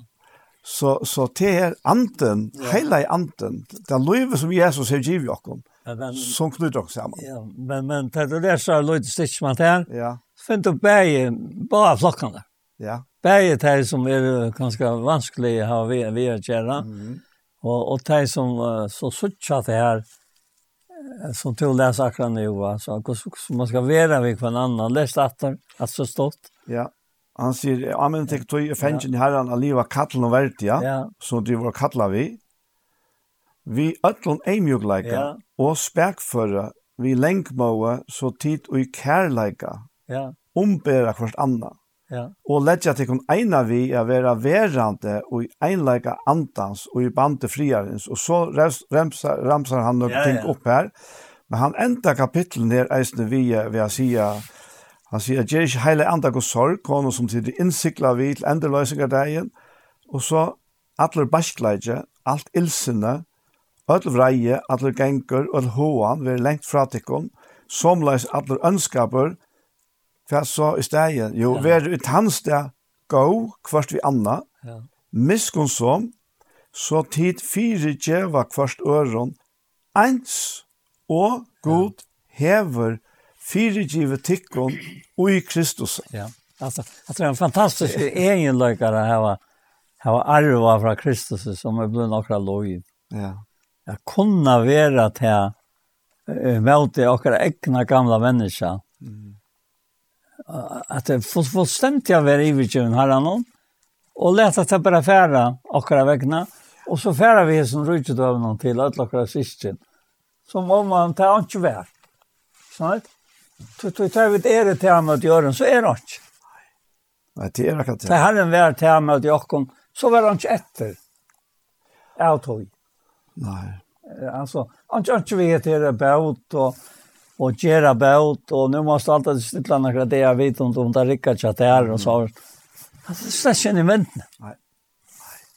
Peter säger det, det har kom till mig nu det här för. Ja. För jag passar 4 8 och han säger och här var fram om allt Ja. Brennande kærleika kvørsl anna, kvui, tui kærleiken fjaller fjöld synda. Ja, ja. Det er utrolig at det er godt og presist året. Alt utrolig. Tui kærleiken fjaller fjöld synda. Ja, ja. Ja. Det er kvann annan, altså. Alltså tog vi med och är vi till och så fram vi så. Ja, altså, vi vi tar och vi inte leva här det här. Ja alltså ta switcha vid att vi switcha herra men vi switcha samla oss själva. Ja, ordentligt. Ordentligt, ja. ja. Och och en annan ästen, ja. Ja, ja vi switcha grunden. Ja, det det det är svikt och i herra. Ja. Så och för då lätta. Ja, spännande. Det är alltid jo, spännande. Det, det är spännande, alltså. Det är det här då. Alltså, Angela och en dovor, men herren dår allt och jag. Ja, det är det som man säger. Han kan övertäga det hela. Ja, Ja. Han spyr han där spårningen här og i Sätta Korint. Ja. Två i allt det där. Ja. og för doer til detta. ja. Och så sier han i tredje kapitlet at, at Dona ska brocka er från gott. Ja. Ja. ja. til her og i Landamal ligger, her i hemmelighet ligger det. Og tog jag ett äst spyr, Jakob spyr sjunde brev, att han er det ofri tycker han mittel kämmer. Ja, ja. han kommer han. Ja, han kommer ikke herfra. Nei, han kommer inte härifrån. Han kommer från det motsatta. Ja, han kommer fra det motsatta. Så bare til at vi tårer å være ærlig i från sjølvånda, først og fremst. Ja. Og så ja. Och sen är det är det en en vant akkurat som han kommer han kommer fram vid i början av av öronkapitlet. Och i sådana grejer bra. Då han säger här då vers 8 han sådana grejer bra 2 8. Då tar sett jag oj med. Alltså det är det brukar jag säga. Jag sätter det oj med att jag skulle att det skulle inte att komma till täckare vid sorg. Vi sett sett då med. Om jeg nå valgte till konsorg hvor er det at han och ger mig glädjen åttan han som er valgte sorg. Just då skriver jeg, for at jeg ikke tar jeg kom skulle jeg ha sorg av tøymon, jeg 80 att haft glede av. Då jeg har det ærlig att tycka om ötlån att det som gleder meg gleder oss ned ötlån. Og så kommer han til, det var vi større nei, og vi mykler i engjus i hjertan, det skriver jeg til tikkara. Vi nekvon tar ikkje fyrir jeg gjør at det sorg, men fyrir at de skulle kjenne kærløykan og i havet til tikkara særlig. Hever nekka var sorg, så det er ikke mer enn var sorg, men for en part tikkun ötlun, fyrir at jeg ikkje skal være og herre. Så kommer han til en nyrstå her, til å nå mykje straffen han finner av noen flest. Så de tvarstre med at de helter skulle fyrtje hon, tvørste han, for at han skal ikke gjerne til grunter og åstøvrere sorg. Tog jo amen til kunne alle kærløkene rå med til hon. Altså, jeg, jeg har funnet jo i løyvene som er her, näka som vi aldrig rocknar vi å finne og i prøven. Det är färre tajvar, yngre, og unkor og, og, og så satt det som møs med Jutta för att läsa det här. Men det tar upp det är rike döme av bröven. Kosta omtala gospel lycka. Det som har det gott vi Herren och det som är då ont onter en öjlig och truste och frösting och nej och de hade allt det spelte löven och det var ankan gott efter. Kosta han vitcher hett upp hända maten. Att han är större nej än de som han kommer nej av. Akkurat. Skjønner du? Ja. Det er grunden til verelig og i løvene som godspadene. Det er dette her som han sier uh, her, som vi nevnte den nok så ikke, om, om den øynfallte troskommen av Kristus. Det er sånn eksempel av Etlova.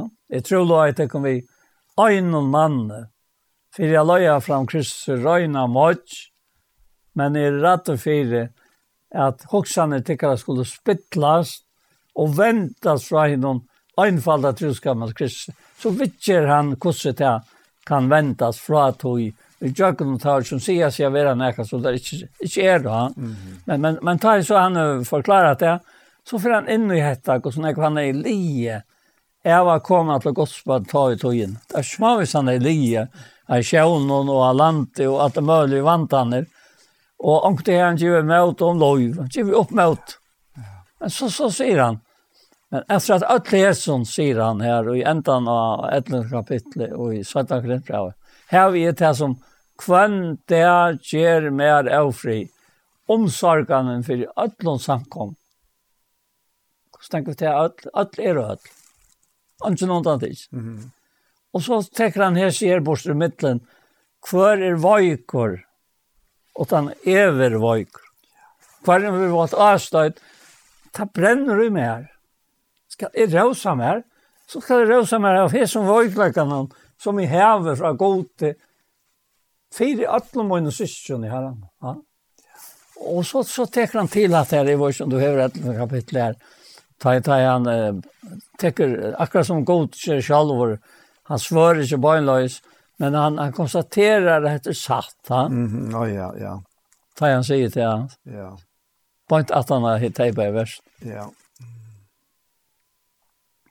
Ja. Han sier at, at han alt det strøy han annars har haft det sträv och mö og møy i mänkan och natta var hungrig og tosta mänkan fast og kalter og nætjen. Ja. Så för det som hette her som tog nevnte kim fram om han sier at at att skärt öllon ja. Här vi det så kvant där Jermar Ofri omsorgande af öllon samkommen. Hver veikur utan at eisen er vi veikur, hver vi valgt avstøyt utan at han brenner i mer. Ja. Skal det rosa mer, så skal det rosa mer av veiklega munnen. God og feir Herre okra Jesu Krist som siknaver er i atlar ever, veit at er likvi ikk. Ja, akkurat det. Ja, ja. Veit er likvi. Veit at er likvi ikk. Jeg, jeg heier nekka bære på her fire, og det var ikke du evig vits at de akkurat sagt det. Det er en annen person som sier det av meg. Mm.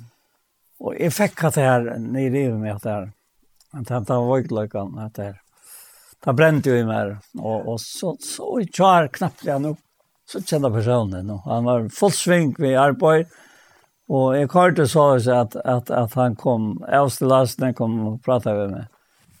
Det fantastiskt att det mig gott. Alltså, alltså jag kan inte förklara för att, jag nämnde inte om näka, inte. Vi hadde henne så øyne standande løt sammen. Så jeg var det. Jeg var det så løs som det var sagt. Så trangt i hese personer til det. Og ikke mer. Så det er mittelen han og herren. Akkurat. Ja, det er ikke mittelen meg og han. Her er er ikke å være åttan. Han fant han nei en fire at jeg ikke skal være. En nærkast som som var, var valtant i løyvene som mennesker, skjønner du? Ja. Att det är så otroligt när jag säger alltså. Det är akkurat det. Det är akkurat det. Ja, vi tar det fram i allt jag nu korsar det här om att inte att blanda sig på i vi skifte andra. Ja. Ja. Ja. ja. Alltså bara filcha tog. Ta ta ta bjärgan ekvon. Ja ja ja ja ja. Inte att blanda sig på i vi skifte andra. Alt som jeg husker om eisen i det, ja. det er ui ødelesne her, um, hver ui vidt um, faktisk skulle være så øyla fitta.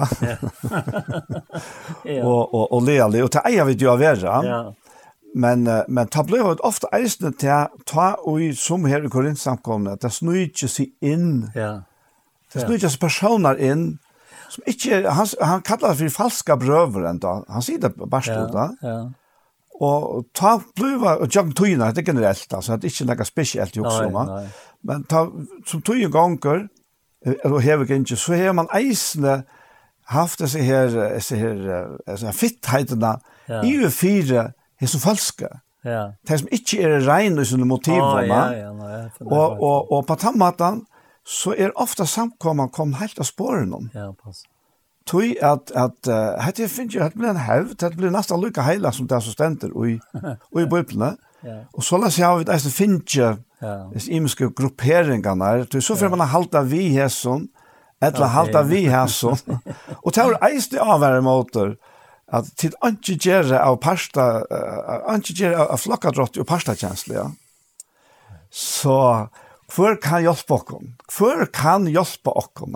Ja. Det er bare ein Og det er talsmæren, heile anden, ja, ja. som, som kan hjelpe oss. Og han fær bare hjelpe oss ja. om vi er ivergiven honom. Men, men, men her, her kommer så etter når Paulus tar som sitt egna lov, va? Ja. Lukas kan som han tar som lov til inn, og som han kommer vid inn, va? Men hvis jeg har en ikke øye til som høyligere er vi hånden, ja. altså, som hever til til enda med alle lovene, jeg vil høyligere til fire för hansar. Akkurat. Det er det samme som har varit heligast för Nemlig, ja. Og ber opp på hans imske malene. Lika mycket om du er vittnen til det. Eller at du bare høyre til som slæter, fær varlig av det. Men fær til den rette personen. fær til han som det snackar om. Det tackar gott ikke vil ut. Mm. Ja. Är det sant? Jo. Och tog är han som som är är är, är akade bröderna nu börjar vi vi vi honom som akade. Ja. Jasva. Han är bara akar. Han älskar att få ro och lika på löven som människa. Mm. Ja.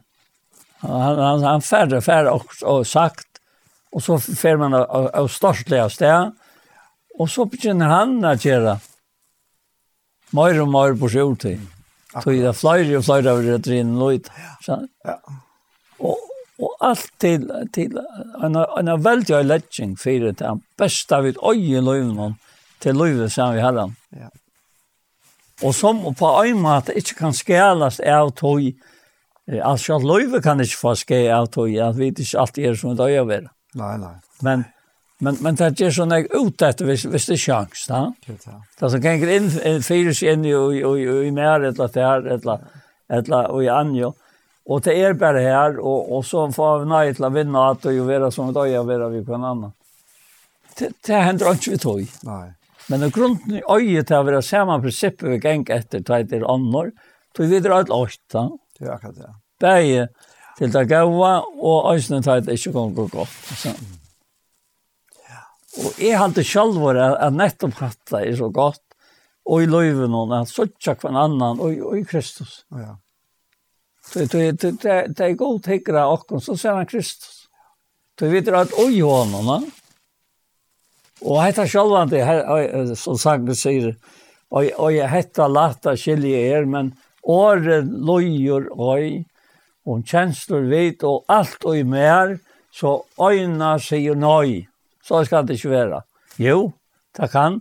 Tøy det stender så i årene om, og tøy tøy trygg vi er, og sinje prøys der være god, at nøyen freste meg. Hva mest det er nøyen freste meg? Akkurat. Den samme nøyen som vener meg opp til å evnokta godløse verretlige kjenter, og livet godlige, samlige og rettvis i høyne som nå er. Ja, ja. Og det det är så läs. Det är så läs. Och han her er, er det som han hever lät etter seg her. Ja, han lät efter. Ja. Till nok. Ja. Og, Och og, oj tog dimensionerna. Ja, vi är ju ett. Og jeg är ikke så älsklig människa enn Jesus. takker seg av honom som svakan. Mm. Jeg minner først før det kom till mig. Det var ta i og en tofta med å si til, Aksel Skåle sier til, at for første brevpratet kan minnes, etla til påskalampe, sørst for. Det var Jotas vi. Og, og, og tar så Jotas kommer ut her, og, og, og han er han som løyer tar som skulle teka Jesus. Han har finnet nekra silverpinninger, leser mest av silverpinninger her nå, videre av dem, det var ikke hva det gav å for Jesus. Han. Mm -hmm. Jeg svog av Jesus. Tredje silverberenga. Tredje, ja. Og, og så kommer han ut og fyrer kyssan. Viner, sier han. Hvor er du kommet i? Jota, sier han. Sviker to mennesker sånn vi en kosse. Mm -hmm. Jeg minnes da en, en tale til Kai, Da stender jeg, det att gjort gjorde svak for at han er gjort, så får han hånds. Kaj sier at, hvor får han ikke til Jesus det er en filen? Han har jo, han har jo sagt om noen, hvordan han var vi han. Men det er bare noe som en menneske kan finne på å si en tala. Hvor får han ikke til Jesus?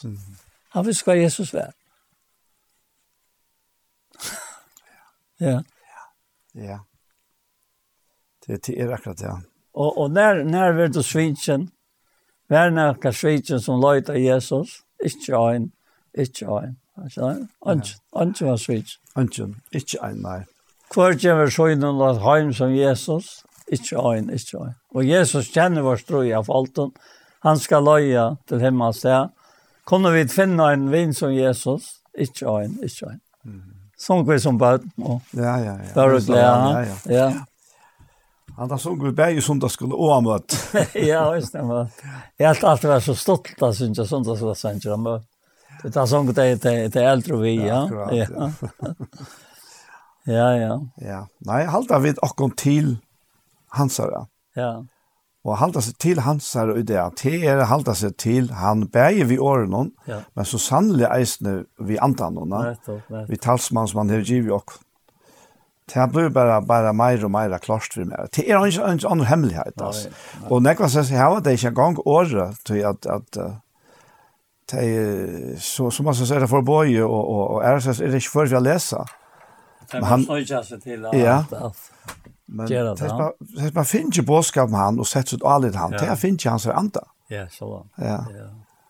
Och han är alltid närvarande tjock. Ja, ja. Ja, ska du be en bön som Jakob Paul? på? Ja.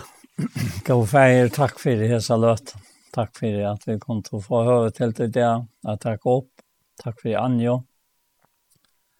Tack för att tale med hon syner og och ta allt när hon hon hever i hässon herre att finna fotla och visse vänner.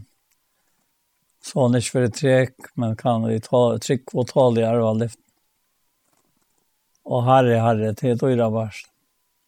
Og det gjelder her i øtt, og på øtt, som øyne og annan hatt, det var finnes seg trångt, og som øyne og annan hatt, tjene til her, kanskje som vi åttan har halte at det være at tjene til her, det er gode mennesker, det er for svære ånder som er vøyker enn til, og så framveges, og takke seg av dem.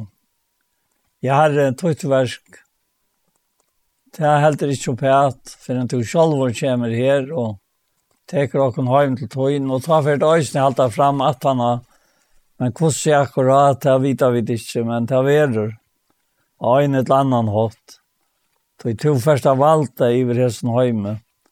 Og i tusen år er en friere ikke som vera skal. Så som vi då har läsat vi år. Men allt detta är kvilligt att det är Men vi som hører der til, vi skulle først være rikt bort til skutsen og møte der luftene. Og så skulle vi alltid være sammen vi herren. Og til sier og gjøre tøyne og trøste ta hver annan vi hesen åren. Det gjør vi og Jesu navn, amen. Amen. Så var hesen parten av hjertemål komna enda. Og vi tror vi færre at takka for åkken for hesfer, og vi tror er Anja Hansen som tek seg av det tekniske, Paul Ferre og jeg selv, Daniel Adol Jakobsen. Tusen takk for Jesper. Og lad meg legge til at, at parster av Gjerstamal er å finne av YouTube-kanalen til Sjøn, Iktus Sjønvarsp. Og hese parstene er vera eisne at høyra og i tjei Kristelig Kringvarsp. Så enn enn affær, tusen takk for Jesper.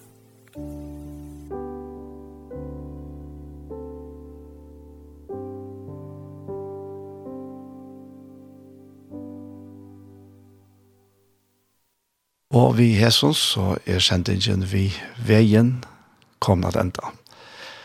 For hesfer, og vi hava, og i tog fyrra tøyman så har vi spalt negra sendjer, det blir ikke nekver tøy at det tås er så lenge. Men uh, jeg gikk ut fra Apostelen kapittel 13 og om at det er at vi, vi trykker Jesus Kristus er uh, gjørt rettvis og har finnet syndene firegiven, firegivna, og og i egen gods er det syndafrui. Så det er, det er en glæver god boskap å få. Det er Jeg er gussi glad for at han boskap kom av min vei vi hele andres hjelpeisene. Og så nu hendt her settna parsten, eller sånn settna tøyma, så har jeg hørt en parst av Gjerstamål. Og hendt her sendt ikke være høyre atter i kvöld klokkan tjei, og atter i morgen er klokkan fem. Så Jeg tror best å si tusen takk for Jesper.